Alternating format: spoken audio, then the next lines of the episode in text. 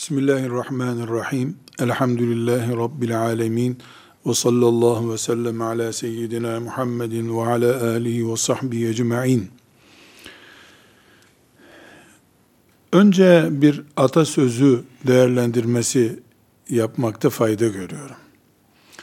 Belki yenilerin anlamayacağı kavramlardan oluşuyor ama eskilerimiz keskin sirke küpüne zarardır derlermiş. Küp nedir bilmeyenler için izah etmiş olalım. Sirke acı ve keskin bir şeydir. Bu eskilerde küpte saklanırmış. Küp ya çamurdan yapılan bir şey ya da ahşaptan üretilen bir nesne. Bunu e, sıvı bir şey koysunlar diye yapılmış ama sirke çok keskin olunca, yani acılığı ve asiti çok olunca, bulunduğu kabı da deler ama kabı delinince sirke de kaybolur gider. Akar gider oradan. Onun için keskin sirke küpüne zarardır demişler. Müslüman Allah'ın emrettiğinin üstünde sert olduğu zamanda kendi dindarlığına ve kendi dinine zarardır. Ve bu şeytanın onun dinine zarar vermek için kullandığı taktiklerinden birisi olarak karşımıza çıkar. Şeytan her zaman alkol kullandırarak veya namazı terk ettirerek Allah'ın dinine ve Müslümanlara zarar vermiyor. Bazen de Müslümanların ibadet niyetiyle yaptığı işleri de şeytan kendi amaçları için kullandırıyor. Dinde ve dindarlıkta aşırılık böyle bir şeydir. Allah dört dediyse bunu beş yapmak aşırılıktır. Allah üç dediyse dört yapmak da aşırılıktır. Allahu Teala'nın dinine ilave yapmak suç olduğu gibi dini insanın kendi ekseninde ayarlamaya kalkması da suçtur. Müslümanlıkla uyuşmayan bir tavırdır. Biz özellikle şunu bilmek zorundayız dindar olmak, dinde aşırı gitmek değildir. Allah gönderdiği dinin yaşanılır ayarlarını da yapıp göndermiştir. Yaşanılır din bizim kaldırma kapasitemize göredir zaten. Allah'ın ayarladığının ötesinde bir ayarlama yaptığı zaman insan ya dini eritir, tedavülden kaldırır ya da aşırı yükleme yaptığı için dini kaldırılamaz hale getirir. Bugün dünya üzerinde Müslümanlığın sorunlarından konuşurken, İslam dininin başındaki dertlerden konuşurken, genellikle kafirlerin üzerimizdeki tasallutundan, mesela kafirlere hizmet eden medyanın bizi perişan etme projelerinden hep konuşuruz. İşte alkolün yayılmasından konuşuruz.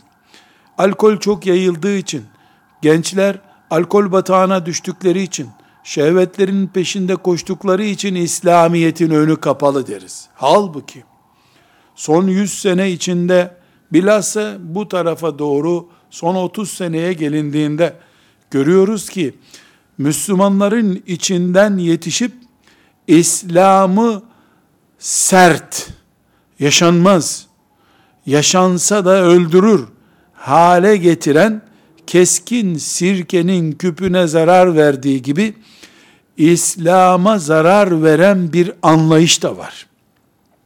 Buna radikalizm diyebiliriz aşırılık diyebiliriz. Dinde ileri gitmek diyebiliriz.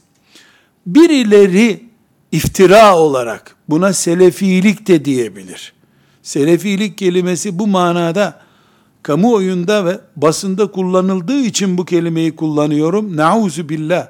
Müslümanlıkla alkol ne kadar bir arada durabilir kelimeler ise bu çaptaki selefilikle asıl selefi olmak arasındaki ümmetin selefi ile ilgili kavramlar da ancak o kadar bir arada bulunabilirler. Yani hangi tür olursa olsun dinimiz ayarını Allah'ın yaptığı bir dindir. Kullar buna ayar yapamazlar. İbadetlere, yasaklara, cezalara, ahlaka ayar getiremezler. Ayarı Allah yapar, peygamberi öğretir, ashab-ı kiram da uygular. Bizim önümüzdeki örnek budur. Daha ötesi bunun aşırılıktır. Allah aşırılığı men etmiştir. Biraz sonra örneklerinde göreceğimiz gibi. Gerek Kur'an ayetlerinin Peygamber aleyhisselamın hadislerinin anlaşılmasında veya dünya nimetlerinin Müslüman için yasaklı duruma getirilmesinde ya da Müslüman olmayanlara karşı gösterilmesi gereken tavır ve reflekste aşırılık İslam'a mal edilmemelidir. Bu en, en iyi ifadeyle Müslümanların içinde birilerinin aşırılığıdır. Eğer dış güçlerin planlaması ve organizesi değilse, Müslümanların içinde bazı Müslümanların aşırılığıdır. Nedenlerini ve tiplemelerini biraz sonra konuşacağız inşallah. Bir hususu düzelterek sözlerime devam etmek istiyorum. Ee, umumiyetle bu tür aşırı düşünceliler, mesela en basit örnekle Allahu Teala kadınlara mahremiyet ölçüleri getirmiştir. Kadınların çarşı pazarda ulu orta eğlenmelerini yasaklamıştır. Evlerinizde oturun buyurmuştur. Kıyafetleriniz e, erkeklerin dikkatini çekecek şey şekilde olmasın buyurmuştur. Bu şeriatımızın emridir. Ama Allah kadın beş sene geçtiği halde evinde oturur, anasını ziyarete gitmez dememiştir. Bu bir aşırılıktır. Allahu Teala Müslüman kadınların da çarşıya pazara gitmelerine izin vermiştir. Ticaret yapmalarına izin vermiştir. Çarşı pazarda gevşemelerine izin vermemiştir. İkisi arasında müthiş fark vardır. Biri Müslüman ismiyle yapılmış bir aşırılıktır. Öbürü de Allah'ın Müslüman kadına getirdiği ayardır. Müslüman kadınlar evlendiklerinde bir kafesin içinde evlenirler dememiştir. Peygamber sallallahu aleyhi ve sellemin sağlığında, onun Medine'sinde, onun denetiminde bulunan bir şehirde Müslüman kadınlar evlenirken eğlenmişlerdir. Ama bu eğlenme cinselliği kışkırtan, kadere isyan eden, bağırıp çağıran erkeklerin gözü önünde yapılan bir eğlence olmamıştır. Şimdi Müslüman kadın babasının evinden siyah perdelerle kapatılmış bir arabaya konup herhangi bir şekilde hiç nefes almadan kocasının evine teslim edilecek ve iş bitecek, düğün budur şeklinde bir kural getirilirse bu bir aşırılıktır. Aşırılığın siyasi olmayan yani bir aile boyutuna ait örnekler veriyorum. Aşırılığın başka bir siyasi örneğini de konuşabiliriz. allah Teala kafirlerle akidevi beraberlik, onların önünde kompleksi bulunmayı gösterecek bir ilişkiyi yasaklamıştır. Ama kafirleri bulduğunuz yerde her an öldürün dememiştir. Yani bizim kafirlerle sosyal ilişkimizi Allah men etmemiştir bizimle savaşan, bize doğrul, silah doğrultan kafirlere karşı güçlü ve dik olmamızı emretmiştir. Bu Allah'ın emridir. Her kafirin suratına tükür, her kafirin başına taş at diye bir uygulama ise içimizden bir Müslümanın oluşturduğu bir hatadır, bir aşırılıktır. Herhangi bir şekilde ashab-ı kiram bunların bu tür uygulamaların tamamından uzaktır. Ashab-ı kiram eğer gördükleri kafiri öldürecek olsalardı, Ömer bin Hattab radıyallahu anh'ı öldüren, mescitte namaz kıldırırken, öl, kılar, kılarken ve kıldırırken öldüren bir kafir Medine'de yaşıyor olmazdı. Ashab-ı kiramın kontrol ettiği bir şehirde yaşayanlar Ömer bin Hattab'ı öldürdüler kafir oldukları halde. Demek ki bu ümmetin aslında herhangi bir şekilde aşırılık yoktur. Allah'ın dininin ciddiyeti vardır. Bu ciddiyeti birileri kabalıklarıyla, kör bakışlarıyla, kültürsüzlükleriyle tahrip etme hakkına sahip değildirler. Ve ashab-ı kiram asla dinde aşırı olmamışlardır. Bu aşırılığa kayanların düşünceleri olmuştur. Bizzat Peygamber sallallahu aleyhi ve sellem düzeltmiştir. Hani Abdullah İbni Amr İbni As geliyor, hep oruç tutacağını, her gün hatim edeceğini söylüyor. Bir aşırılık bu.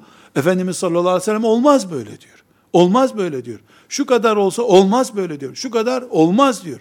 Bizzat Efendimiz sallallahu aleyhi ve sellem bunun aşırılık olduğunu beyan buyurunca o da tamam ya Resulallah bundan sonra böyle yapayım mı diyor. Ona izin veriyor. Bir gün oruç tut, bir gün tutma diyor. Ayar getiriyor. O da o ayarı kabul ediyor. Ben bir kere böyle karar verdim, sözümden dönmem der gibi bir tavır içerisinde haşa olmuyor. Daha sonra Efendimiz sallallahu aleyhi ve sellem'den sonra da ashab-ı kiram aşırı denebilecek bir karar vermeye kalktıklarında, uygulama yapmaya kalktıklarında öbür sahabiler onları düzeltiyorlar. Çünkü ashab-ı kiramın aşırı olduğunu düşündüğümüz zaman o aşırılık bugüne doğru büyüye büyüye gelir. O büyümeyi de biz bugün yaşanamaz bir din olarak karşımızda görürdük. Allah onlardan razı olsun. Allah'ın razı olacağı Müslümanlığı yaşadılar. İşlerinden bir tanesi filanca ibadeti aşırı, filanca görüşünde aşırı olduğu zaman bunu ashab-ı kirama mal etmediler. Ömer radıyallahu anh çağırdı, bu yanlış, aşırı gidiyorsun dedi. Ali radıyallahu anh, bu olmaz böyle dedi. Tabiinde de de böyledir. İslam, Kur'an'ıyla, hadisi şerifleriyle, Allah'ın ayarlarıyla kıyamete kadar kalacaktır. Bir bedevinin, bir dağ çocuğunun aşırılıkları İslam değildir. İslam bunun faturasını ödemek zorunda değildir. Ama ne yazık ki bilhassa son 3 e, asır 3 asır içerisinde İslam e, hızını kaybedip dünya hakimiyetinden kenara çekilmek durumunda oldu. Yani İslam'ın garipliğinin tekrar tecelli ettiği dönemlerde birileri az sonra sayacağımız sebeplerden dolayı e, İslam adına İslam'dan daha ciddi olmak diye özetlenebilecek tavırlar gösterdiler. Kafirler içinde propaganda açısından, negatif propaganda açısından bulunmaz bir nimet oldu bu. Bunu çok iyi değerlendirdiler. Bu değerlendirmenin faturasını da mübarek dinimiz ödedi. Dinimizin hiç emretmediği şeyleri emrediyor gibi yaptırdılar. Tabi herkes minareyi çalarken kılıfını bulduğu gibi bunlar da bu şiddeti akıllarınca Kur'an'a dayandırdılar. Akıllarınca ashab-ı kirama dayandırdılar. Akıllarınca herhangi bir ibadeti Allah için en iyi şekilde yapma gerekçesine dayandırdılar. Burada hangi işler aşırılıktır ayrıntısına girmiyorum. Ee, ama e, bir başlığı değerlendirmem gerekiyor. Nedir o? Bu asırda şu son 10 senede mesela karşımıza çıkan sorunların tamamı batı düşmanlığından kaynaklanmıyor. Bir miktarda doğu cehaletinden kaynaklanıyor. İçimizdeki aşırılıktan, yanlışlıktan kaynaklanıyor. Bir miktarda sirkeye fare düşmeden önce sirke küpünü deliyor. Keskin olduğu için küpüne zarar veriyor. Bir miktarda bu var. Dünyanın dönme ekseninde oturup tefekkür etmemiz gereken konulardan da birisi budur. Namaz gevşekliği ne kadar tehlikeliyse İslam'ın geleceği açısından teheccüd kılmayan zındıktır demek gibi olan, böyle diyen pek yok da bu manaya gelen, filan tarikattan şu kadar zikir almayan şeytanın kucağına düşmüştür anlamına gelen e, din ilavesi yapanlar da dine namazı gevşek bırakanlar kadar en azından zarar vermektedirler. Belki bu zarar ibadetleri ihmal edenlerin zararından daha fazladır. Genel bir ölçü kullanmak istiyorum. Allah'ın ve peygamberinin nafile statüsünde bıraktığı ibadetleri farz gibi kovalamanın ana mantığında bu aşırılık vardır. Yani bir yerde akşam namazının kılınmasınınla önemseme açısından ilgilenmenin ötesinde akşam namazından sonra kılınan evvabinle ilgilenmek bu aşırılıktır. Mesela bir evde baba bali çocukları sabah namazına kalkmıyor. Akşam namazında televizyonun videonun başındalar. Ama o orada evvabin namazı kaçırmıyor. Altı rekat evvabin kılıyor. Evvabinin nafile olduğunda, sünnet olduğunda asla şüphe yok. Faziletinin e, ölçülemez rakamları var. Sayı hadislerle sabit. Bir sıkıntı yok. Ama bir babanın, evladının, bali çocuğunun farz namaz kaçırması ile oluşacak olan vebal, evvabin namazı ile ölçülemeyecek boyuttadır. Karşılaştırılamayacak boyuttadır. Bu bir aşırılık örneği, örneklerden biri olarak karşımıza çıkıyor. Burada e, neden Müslüman bilmeden de olsa veya bilerek bu aşırılığa düşer? Ya da gençler neden taptaze enerjik günlerini bu aşırılıklarla heder eder giderler? Bunun sebepleri üzerinde mütalaa etmek istiyoruz. Birinci sebebi Müslümanların Allah'ın ayetlerini, Peygamber aleyhisselamın sünnetlerini tek bir pencereden ele alarak din anlamalarıdır. Mesela e, gayet kolay anlaşılacak bir örnek vereyim. Kur'an-ı Kerim'de ve hadisi şeriflerde namaz kılmamayı değerlendiren ayetler, hadisler var. Mesela namaz kılmayanın cezası şudur ya da namaz kılmayanın hükmü şudur denecek hadisler. Bunlardan bir tanesi de mesela kişinin namazı namazı bir Müslümanın namazı küfürle arasındaki tampondur diyor hadisi şerif. Yani namaz olmayanın dini yoktur diyor. Bu, bu konuda açık hadis-i şerif var. Ama namazın diğer e, hadislerde de değerlendirildiğini görüyoruz. İbadetlerin yapılmayışının hükmünün ne olduğunu değerlendiren pek çok hadisler var, ayetler var. Şimdi bir Müslüman sadece namazla küfür arasında e, bir namaz var, e, insanla küfür arasında namaz vardır hadisini aldığında, namaz kılmayan birisine otomatik kafir diyebilir. Ama kaç namaz kılmadığında yazıyor mu hadis-i şerifte? Bu kılmama ne kadar devam ettiğinde, tövbeye davet edecek misin? Kılmayacağım ben daha demekle, şu anda kılmadım henüz demek aynı mı? Bütün bu ayrıntıları gösteren başka hadis-i şerifler de var. O hadis-i şeriflere, o ayetlere bakmadan sadece bu hadisi alıp namaz kılmayan kafirdir, bu kafirin öldürülmesi de haktır. Dediğin zaman tam anlamıyla bir aşırılık yapmış oluyorsun. Herkesin anlayabileceği bir örnek olarak bunu veriyorum. Ama filanca amcan hakkında ne düşünüyorsun? Kafirdir. Niye kafirdir senin amcan? E bir haftadır namaz kılmıyor. Peki hadis-i şerif bir hafta namaz kılmayanları mı söylüyor? Geçen cumayı camide kıldı. Nasıl sen buna namaz kılmadı diyorsun? Bütün Kur'an ve hadisler bir bütün olarak anlaşılır olduğu zaman İslam anlaşılır. Öbür türlü İslam'ın hücrelerinden bir hücre anlamış olursun sen. Ve bunu da insan canına mal olacak bir hata ile ortaya koyarsın maazallah. Bugün gençlerin İslam'ı sadece bu verdiğimiz örnekten bakarak, bir hadis okuyarak, bir ayet okuyarak anlamaya kalkmaları ya da o şekilde yönlendirmelerinin doğurduğu bir faturadır bu. Bukhari'de bir hadisi şerif hepimizin e, dikkatini çekecek zannediyorum. İbn Ebu e, Naim Nu'mi veyahut da isimli bir zat diyor ki İbn Ömer radıyallahu anh ile beraberdik. Abdullah İbni Ömer'le beraberdik. Birisi geldi, insan üzerinde, elbisesinde çok sinek pisliği bulunursa namazı caiz midir diye soru sordu diyor. İbni Ömer de adama bakmış sen nerelisin demiş. Iraklıyım demiş. Irak neresi? Hüseyin radıyallahu anh'ın şehit edildiği yer. Dönmüş Ömer İbni Ömer radıyallahu anhuma demiş ki şu adama bakın ya.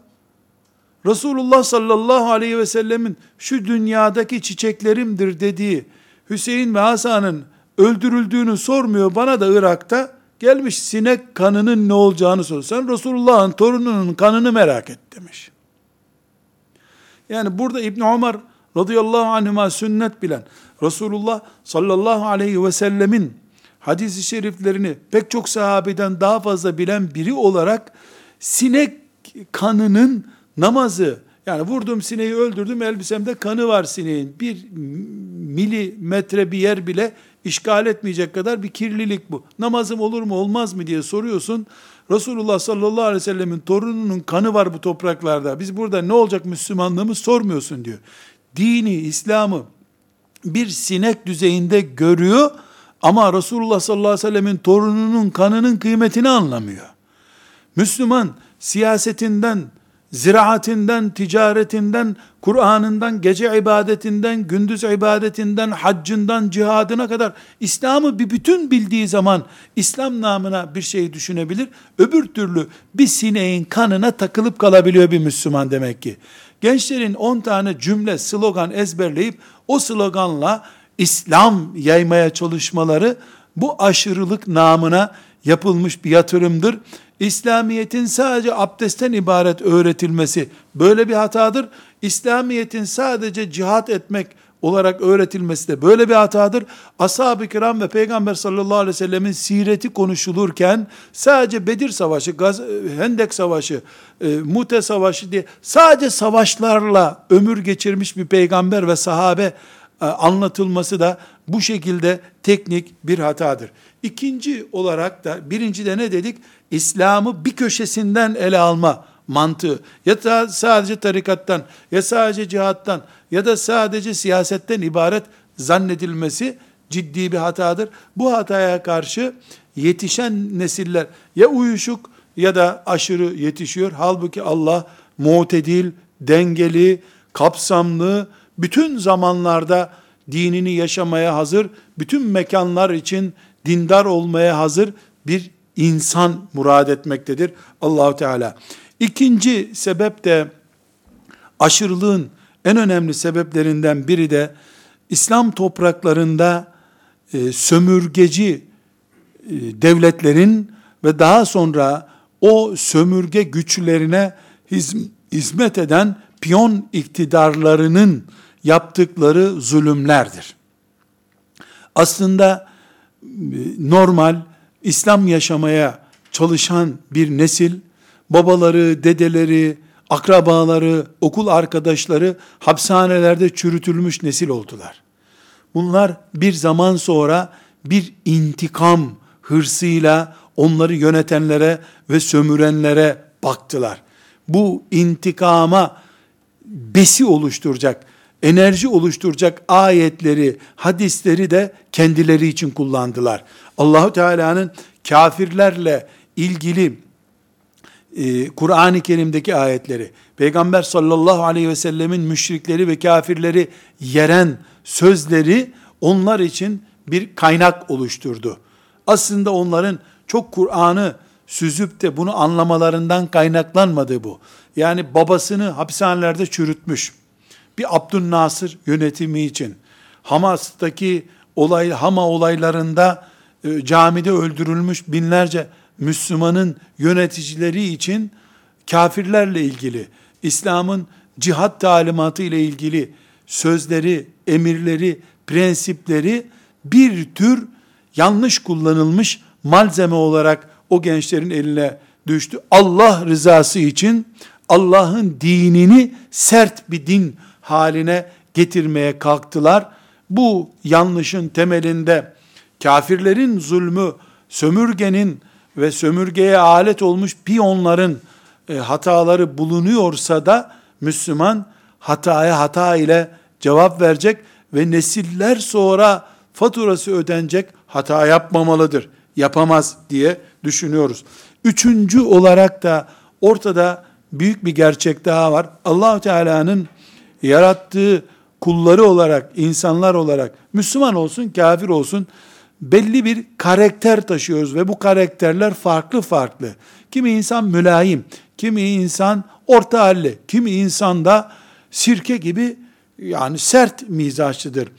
Bu sert mizaçlı insanlar hılkat itibariyle vurmaktan kırmaktan zevk alıyorlar. Bunlar zamanında Ömer bin Hattab radıyallahu anh sert insandı ama İslam'ın süzgecinden geçince Resulullah sallallahu aleyhi ve sellemin sünnetine teslim olunca kontrollü ve İslam'ın lehine hizmet eden bir sinirli adam oldu Ömer. Zamanında da sinirliydi.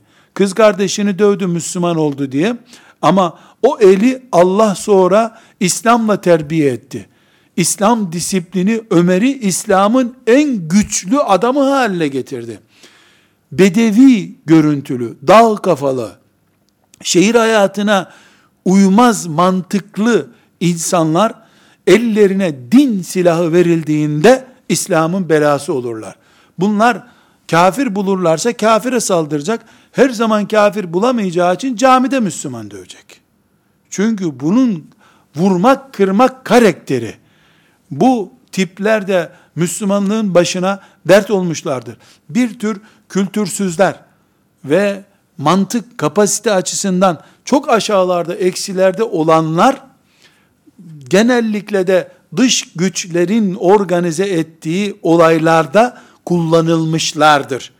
Müslümanları yönetenler, Müslümanlar namına dernekler kuranlar, vakıf kuranlar, bir dernekte bu tiplere çaycılık da olsa görev vermemelidirler. Ya bu sinirlendiğinde çay kazanınıyla insanı yakabilir. Çünkü ölçüsü yok, fren sistemi yok. Balatası eskimiş, kopmuş, gitmiş tipler bunlar. Bir de bunların İslam terbiyesinin ne olduğundan bir haber yaşadıklarını düşünün. Mesela ahlak deyince önce cihat, cihat. Ya cihat da olsa nazik bir peygamberin ümmetinsin sen. Cihatta bile nezaketini bozmamış peygambersin. Esirler, esirler peygamber aleyhisselamın önüne getirilmiş. Bunlar biraz önce peygamberi öldürmeye çalışıyorlardı. Kaç sahabi şehit ettiler. Katil insanlar. Zincirlenmiş peygamberin huzuruna getirilmişler. Birisinin el, elini kaldırıyor. Elini götürüyor. Ya Resulallah diyor. Ey Muhammed diyor ya da ne diyorsa, nasıl hitap ediyorsa müşrik çünkü. Ben kimin kızıyım biliyor musun diyor. Kimin kızısın diyor. Hatim filanın kızıyım diyor. Araplarda cömertliğiyle meşhur beyefendi bir adam. Müşrik ama. Ben onun kızıyım diyor. Bunun esaretine son verin diyor. Babası cömert bir insandı, beyefendi bir insandı diyor bizim deyimimizde. Onun hatırına bu kızını serbest bırakın. Diyor. Adam öleli yıllar olmuş. Ölmüş gitmiş adam. Adamın nazikliği Peygamber sallallahu aleyhi ve sellem hatıra olarak nakledilmiş. insanlar tarafından önüne düşmanı esir düşmüş. O düşmanına bu adamın nezaketinin hatırına nezaket yapıyor savaş meydanında. Biz ahlakı ek bir konu, dosya altı konusu olarak görürsek elbette yetişen nesillerimiz sadece kabalıktan anlayacak. Bencilliği insanlık zannedecek. Peygamber aleyhissalatü vesselamın bu tavrı çok önemli. Gayet önemli bir konu konuşuyoruz. Ümmeti Muhammed ciddiyetini bozmamalıdır. Cihadı ve ahlakı, sosyal hayatı ve nezaketi Allah adına, peygamber adına yapabildiği zaman bu ümmetin kıvamına layık bir Müslümanlık yaşadığını anlıyor olmalıdır. Bir dördüncü konumuz emri bil maruf ve nehy anil münker yani Allah adına yanlışı düzeltmek, kötülüğe engel olmak görevini Müslümanların kesinlikle Allah için yapılacak bir ibadet olarak anlamaları gerekiyor. Namaz bir ibadettir. Abdesti var, kıbleye döneceksin, setir avreti var. Emri bil maruf ve nehyanil münkerde namaz gibi bir ibadettir. Gelişi güzel, paldır küldüz, vurarak, kırarak, dağıtarak değil, belli bir edep dahilinde yapıldığı zaman ibadettir. Namazı takla atarak kılamadığın gibi lan lun diyerek de emri bil maruf ve nehyanil münker yapamazsın. Tokatlayarak emri bil maruf ve nehyanil münker yapamazsın. Şartları kollamadan, sonucunun ne getireceğini hesap etmeden düzeltemezsin ki. Kaş düzeltirken göz çıkaracaksın çünkü. Emri bil maruf ve nehyanil münker kültürümüzün sünnetin dışına taşmasının sonuçları bunlar. Ve beşinci olarak da şöhret hastalığı, gençken alim bilinme, gençken İslam önderi olma, gençken çok iş yapmış veyahut da orta yaştayken diyelim, yani genç derken illa çocukları itham ediyoruz gibi olmasın, bu görüntü arzusu bir hastalıktır gençlerin Ebu Hanife olduklarını zannetmeleri bir mikrobik hastalıktır. Bu hastalığa Resulullah sallallahu aleyhi ve sellem Efendimiz işaret etmiştir. Bukhari'de ve Müslim'de rivayet edilen hadisi şerifte Resulullah sallallahu aleyhi ve sellem hepimizin hepimizin dikkat edeceği ve bir ilahiyat fakültesinde 3 sene okudu diye, İmam Hatip Lisesi'nde okudu diye, bir hoca efendinin derslerine bir sene iki sene gitti diye, kendisini allame zannedenlere karşı Resulullah sallallahu aleyhi ve sellemin e, hat, uyarısını ve hatırlatmasını asla unutmamak lazım. Bukhari'den ve Müslim'den okuyoruz. Buyuruyor ki, ahir zamanda yani ileriki asırlarda korkarım bu zamana geldik genç yaşta din kültürü zayıf insanlar çıkacaklar. Ve Kur'an adına konuşacaklar. Seyekulune min hayri kavlil beriyeti. Kur'an adına konuşacaklar. Tekrar ediyorum. Bukhari'de ve Müslim'de hadisi şerif. Ahir zamanda genç yaşta İslam kültürü, şeriat bilgisi zayıf insanlar çıkacaklar ve Kur'an adına konuşacaklar. Allah diyor ki diyecekler. Hafız bile değil. Arapça da bilmiyor mealinden okumuş. Ya da birinden duymuş. Onlar kendileri boğazlarından yukarı veya aşağıya geçmeyen imanları vardır. Sadece konuşurlar. Yani kalplerinde yerleşik bir iman yoktur. Böyle oldukları halde büyük laflar ediyorlar. Ederler.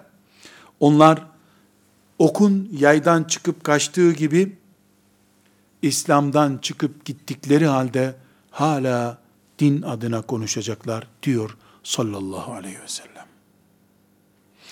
Ve altıncı neden, neyin altıncı nedeni? Aşırılık niye yapıyor gençler? Veya yaşlılar niye aşırı gidiyorlar? Niye nafile bir ibadeti İslam'ın bütünü gibi gösteriyor?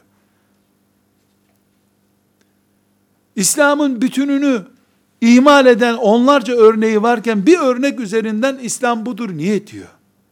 Niye sakal bırakmayana kafir diyor? Niye şu şekilde tıraş olmazsa sakalın İslam değilsin diyor? Bu aşırılığın nedenlerinden biri işsizliktir. İşsizlikle de kastettiğimiz bildiğiniz işsizliktir. Umumiyetle işsiz insanlar, işini benimsememiş insanlar başkasının işiyle uğraşırlar. İşi olan başkasının işiyle uğraşmaz. Kabiliyetlerini ortaya koyabilen, başkalarının ayıplarıyla uğraşmaya vakti olmayan insandır.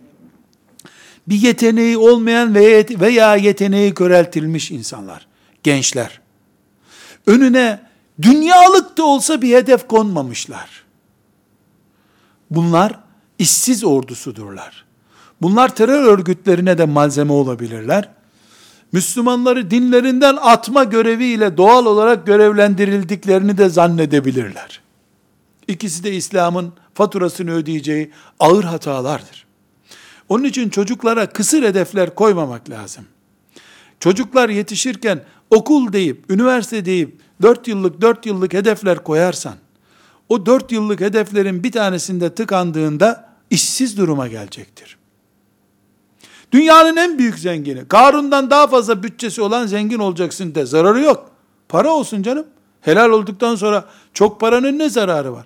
Sen ümmeti Muhammed'in Ebu Hanifesi olacaksın bu asırda deyip büyük hedef göstermek lazım. İlahiyat fakültesi değil, hafızlık değil, Arapça değil. Çok daha öteler ötesini göster ki bu çocuk doymadan çalışsın. Aksi takdirde işsizlik ve hantallık onu bekliyordur.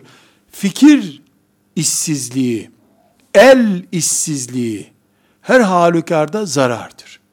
Dünya siyasetinde de bugün dünya devletlerinin dış güçlerden, düşman saldırısından korktuğundan daha fazla korktukları şey e, ülkedeki işsizlik oranlarıdır. Belli oranı aştıktan sonra vatandaş patlamaya hazır bomba gibi kabul edilmektedir. Gerçekten bu bir tehlikedir. Terör açısından tehlikedir. Hükümetlerin, iktidarların varlığı açısından tehlikedir. İşsiz insan kullanılabilir insandır. İlk kullanıcısı da şeytandır. Halbuki biz düşünürüz ki ne güzel adamın işi yoksa bol bol namaz kılar, bol bol Kur'an okur. Hayır öyle değil. İmam Hasan el-Benna rahmetullahi aleyhin sözü ne kadar güzel. İşi meşgul insanlar bitiriyor. İbadeti meşgul insanlar yapar. Meşgul insan dolu insandır. Meşgul olmayan insan boş insandır, işsiz insandır. Ve yedinci büyük gerçek, alimlerin alimliğin hakkını verme işleridir. Bir, alimler avam dedikleri yani alim olmayan insanlarla aralarına aşılamaz mesafe koymuşlardır. Alimler insanların din ihtiyacını ya akademik dillerinden dolayı ya da kibirlerinden dolayı veya halkın ne olduğunu, ne durumda olduğunu bilmemelerinden dolayı halkın din ihtiyacını karşılayamazlar.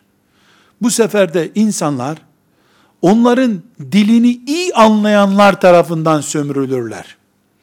70 yaşında icazetli koca koca alimler oturup kütüphanesinde eski kitaplarının tozunu silerken 20 yaşında yeni 2-3 tane kitap okumuş genç gençlerin dilini anladığı için onları etrafında toplar. Alimin de cuma namazında bile ona soru soran kimsesi olmaz alimlerin tecrübelerini nesillere aktarmaması kesinlikle büyük bir tehlikedir. Bu tehlikenin bedeli de İslamiyet'in bütününe yönelik saldırılara hazırlıktır.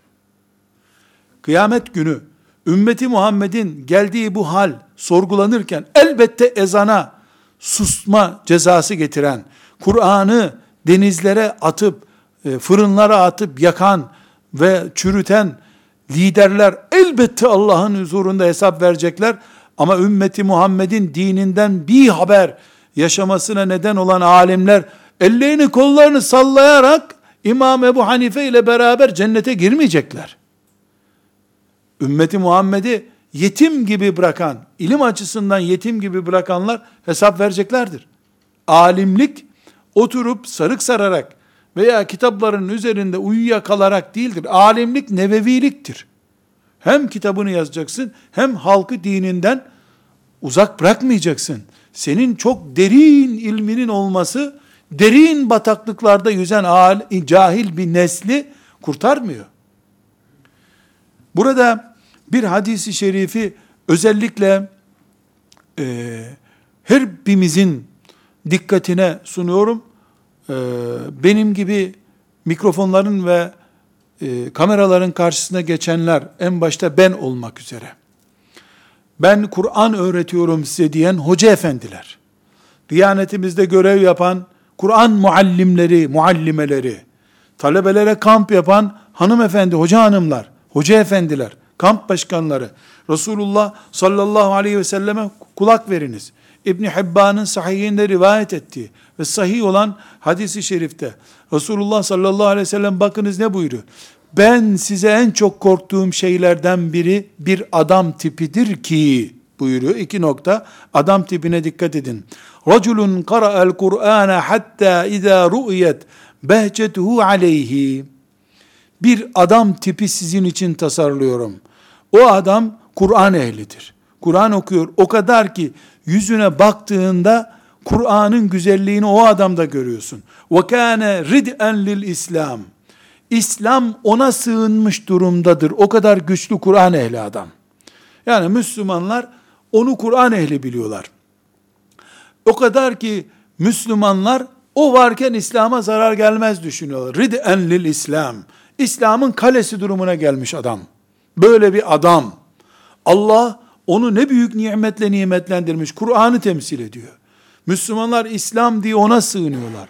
Böyle bir adam o kadar ki bütün bu Allah'ın verdiği bu şerefi Kur'an'ın sığınılacağı e, durumdaki Müslümanların sığınacağı durumdaki e, bu adam bir gün e, ne yapıyor? Kur'an'a hizmet vazifesini unutuyor da buyuruyor ki Efendimiz sallallahu aleyhi ve sellem eline bir kılıç alıyor bu kılıcı ile komşusuna gidiyor sen filanca eyleminden dolayı müşriksin diyor ve onunla savaşıyor diyor.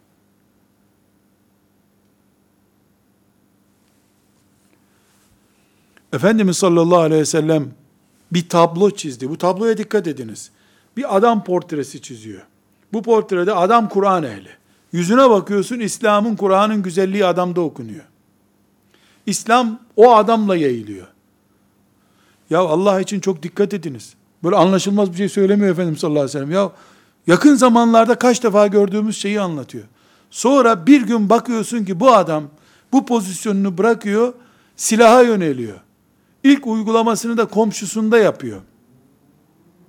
Ve komşusunu şirk ehlisin sen, müşriksin diye tehdit ediyor. Yani şirk için altyapı olan cahilliği Kur'an'la giderme, nesil yetiştirme yerine insanların hatalarıyla uğraşmaya başlıyor. Müşriksin diyor. Efendimiz sallallahu aleyhi ve sellem böyle buyurunca oradaki sahabilerden biri demiş ki ya Resulallah bunların hangisi sence müşrik, daha müşrik? Buyurmuş ki o sen müşriksin diyen daha tehlikeli buyurmuş. Çünkü Kur'an'ın yüzüne yansıyacağı kadar Kur'an ilimlerini bilmiş birisi varlığıyla şirk ortamını kurutmalıydı zaten. Aşırılığa örnek veriyoruz. Alim de aşırı giderse aşırılığının sonucu nereye götürüyor? Peygamber sallallahu aleyhi ve sellem o daha kötü durumda, o daha müşrik durumda diyor. Tehdit ediyor sallallahu aleyhi ve sellem. Bir başka e, hadisi şerif de estağfurullah bir başka sekizinci neden aşırı gidiyor insanlar, Müslümanlar sorusu da toplumdan kopuk hayattır. Toplumdan yüzde yüz tecrid edilmiş insanın oluşturduğu anlayış zamanla aşırılığa götüren anlayıştır. Evet, toplumun sürüklenen kimliğine asla teslim olmayacağız. Böyle bir şey olamaz. Biz dinimizle ciddi bir şekilde yaşayacağız. Ama yüzde yüz de mağaraya kapanıp, pencerelere bile kalın perdeler koyup, insanlarla oturup kalkmadan yaşamanın bir zaman sonraki hali, aşırılıktır. Kendinde aşırılıktır, başkalarına karşı aşırı kararlar vermektir. Onun için toplumun içinde erimeden yaşamak bir cihat türüdür. Onu hadisi şerif Tirmizi'de ne buyuruyordu Efendimiz sallallahu aleyhi ve sellem? Müslümanların içlerine karışıp sıkıntılarına sabreden, erimeyen Müslüman daha hayırlı Müslümandır. Evet, toplumun berbatlığına karışıp eriyip giteni de orijinal Müslüman kabul etmiyoruz. Hatalı diyoruz. Aynı şekilde Müslümanların dertleriyle ilgilenmeyen, toplumun dışında kendine bir inzivas yeri bulup orada inzivaya kapılana da aşırı gidiyorsun diyoruz. Ve dokuzuncu sebep aile parçalanmasıdır. Anne, baba veya kardeşler arasındaki parçalanmalar, aile bölünmeleri aşırı insanların toplum içinde çoğalma nedenlerinden biridir. Bu başlığı açmak istemiyorum. Onuncu neden e, arkadaş etkisidir. Bu arkadaş batılı toplumlardan e, medya yoluyla elde edilmiş arkadaşlar da olabilir. Veya Müslüman toplum içerisinde bir çeşit geliştirilmiş arkadaşlıklardan kaynaklanan da olabilir. Kötü arkadaş sigaraya alıştırdığı gibi aşırı düşünceli bir arkadaş da aşırılığa alıştırır. Mesela bir kalemi bile arkadaşına atmaya e, böyle tiksinecek kadar ürkek bir delikanlıyı, yani kalem bile fırlatamayacak bir delikanlıyı, belinde silahla dolaşan bir arkadaşla bir hafta bir arada bırakarsa, onlar beraber hedef filan atarlarsa, bir hafta sonra aynı şahsın tabanca kullandığını görebilirsiniz.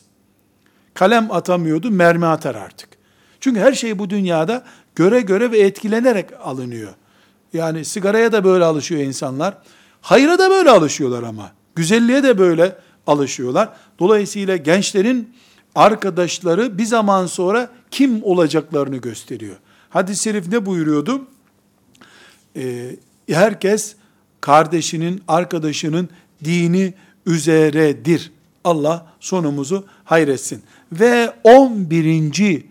neden insanlar Müslüman oldukları halde neden aşırı oluyorlar da bilhassa Batı medyasının ve Batı medyasına hizmet eden İslam toplumundaki medyanın propagandası ya da yörüngesine takılıp kalan insanların oluşturduğu kadrodur.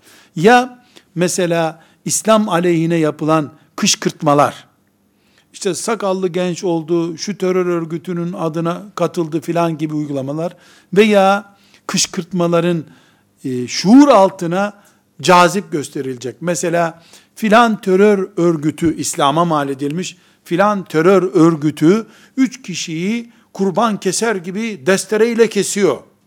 Bunu reklam ederken medya bir yandan yu İslam'a dedirtmek için yapıyor. Öbür yandan da içinde kabalık, dağ ruhu bulunan, çöl ruhu bulunanlara da helal olsun la böyle olması lazım dedirtiyor. Bir taşla iki tane sürü vuruyor, iki kuş da vurmuyor. Hem o tüp, o tür bir anlayışı içinde barındıranları kışkırtıyor, gidin onlara diyor. Öbür taraftan da İslam böyle dindir diye reklamını yapıyor. Medyanın da bu işte ciddi bir rolü var. Ve 12. gayet önemli bir nokta çocukluktan söz dinleyeceği 5-6 yaşından itibaren Müslümanlar ta devletin başındaki en üst makama gelinceye kadar namaz ve zekat gibi şuralı Müslüman olmaları gerekiyordu. Şıra değil ha. Şura. Üzüm şırası demiyorum. Şura. Şura nedir? Her Müslümanın görüş belirttiği ortam demektir. Alimler kimseye şura yapmadan, siyasiler kimseye şura yapmadan, anne baba çocuklarıyla şura yapmadan, istişare etmeden, fikirlerini dikte ederek yetiştirdikleri nesiller, evlatlar, talebeler, e, üyeler sonunda patlar balona dönüşüyorlar. Aşırılık nedenlerinden biri de havası alınmamış gençlerdir. Ne düşündüğü hiçbir zaman merak edilmemiş müminlerin bulunmasıdır. Bunlar ne düşündüğü hiçbir zaman merak edilmeyince bazen düşündüklerini vurarak, kırarak, söverek, hakaret ederek ortaya çıkarıyorlar. Şimdi Ömer bin Hattab radıyallahu anh'a ait bir hatırayı burada nakledeceğim. Allah şahit olsun ben ne kadar Ömer düşkünüyüm. Yani onu nasıl sevdiğimi Allah görsün diye istiyorum. Bir. İki, Ömer kimmiş bütün Müslümanlar bunu tanısın istiyorum. Pek çok açıdan. Şura açısından. Oğlundan daha küçük yaşta olan bir çocukla yaptığı bir şura bu. Şura açısından ve sahabe kim? Nasıl düşünüyorlar? Efendimiz sallallahu aleyhi ve sellem dinini kimlere emanet etmiş? Ya Allah bize de nasip et bundan diyeceğimiz manzara oluşsun diye. İbrahim-i Teymi isimli zat diyor ki Ömer bin Hattab radıyallahu anh bir gün bir yerde yalnız kalmıştı. Anladık ki çok efkarlı. Kafası dağınık Ömer'in. Yanındaki birisine demiş, bana İbni Abbas'ı bulun. Efendimiz sallallahu aleyhi ve sellemin vefatında 10 yaşında. Küçük bir çocuk. İbni Abbas'ı bulun. İbni Abbas'ı çağırmışlar, gelmiş. Otur İbni Abbas demiş. Resulullah sallallahu aleyhi ve sellemin vefatından bilemedim 5 sene sonraki bir olay. Ümmet daha çiçek gibi, taptaze gül gibi Medine'de. İbn Abbas'a demiş ki, İbn Abbas, Peygamberimiz aynı, kitabımız aynı, kıblemiz aynı olduğu halde, bu ümmet bir gün parçalanabilir mi? Ne diyorsun sen? Demiş Ömer. İbn Abbas'a. Radıyallahu anhum. O da demiş ki ya emiral müminin. Kur'an bize indi. İnişini biz gördük. Kur'an'ı okuduk.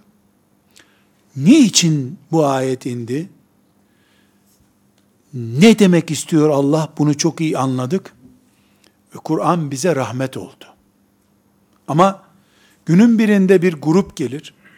Onlar da Kur'an okurlar. Ama niçin indirildiğini merak etmezler. Herkes kendi düşüncesinin o ayete uygun olduğunu düşünür. Ayetleri kendilerine uydururlar. Herkes ayeti kendine uydurunca, ayete uyması gerekirken ayeti kendine uydurunca muhakkak aralarında tartışma çıkacaktır. Her tartışmanın sonu da savaş ve ayrılıktır demiş. Bunun üzerine İbn Abbas bu sözü söyleyince Ömer kovmuş onu. Fezeberahu ve diyor ravi. Hadi. Azarlamış onu. İbn Abbas da çekmiş gitmiş. Bir zaman sonra Ömer radıyallahu anh bana tekrar çağırın İbn Abbas'ı demiş. Yine gelmiş İbn Abbas. İbn Abbas o sözü bir daha söyle demiş. Niye bu ümmet ihtilaf edecek? Peygamberimiz aynı, Kur'an'ımız aynı, kıblemiz aynı olduğu halde sana göre ümmet niye ihtilaf edecek Allah Ömer'den de, Abbas'tan da, oğlu Abdullah'tan da razı olsun. Ömer o sözün doğru olduğunu bildiği halde yüreğine sindirememiş sözü. Şimdi Kur'an üzerinden Müslümanların savaşını anlamaya çalışabiliriz. Velhamdülillahi Rabbil Alemin.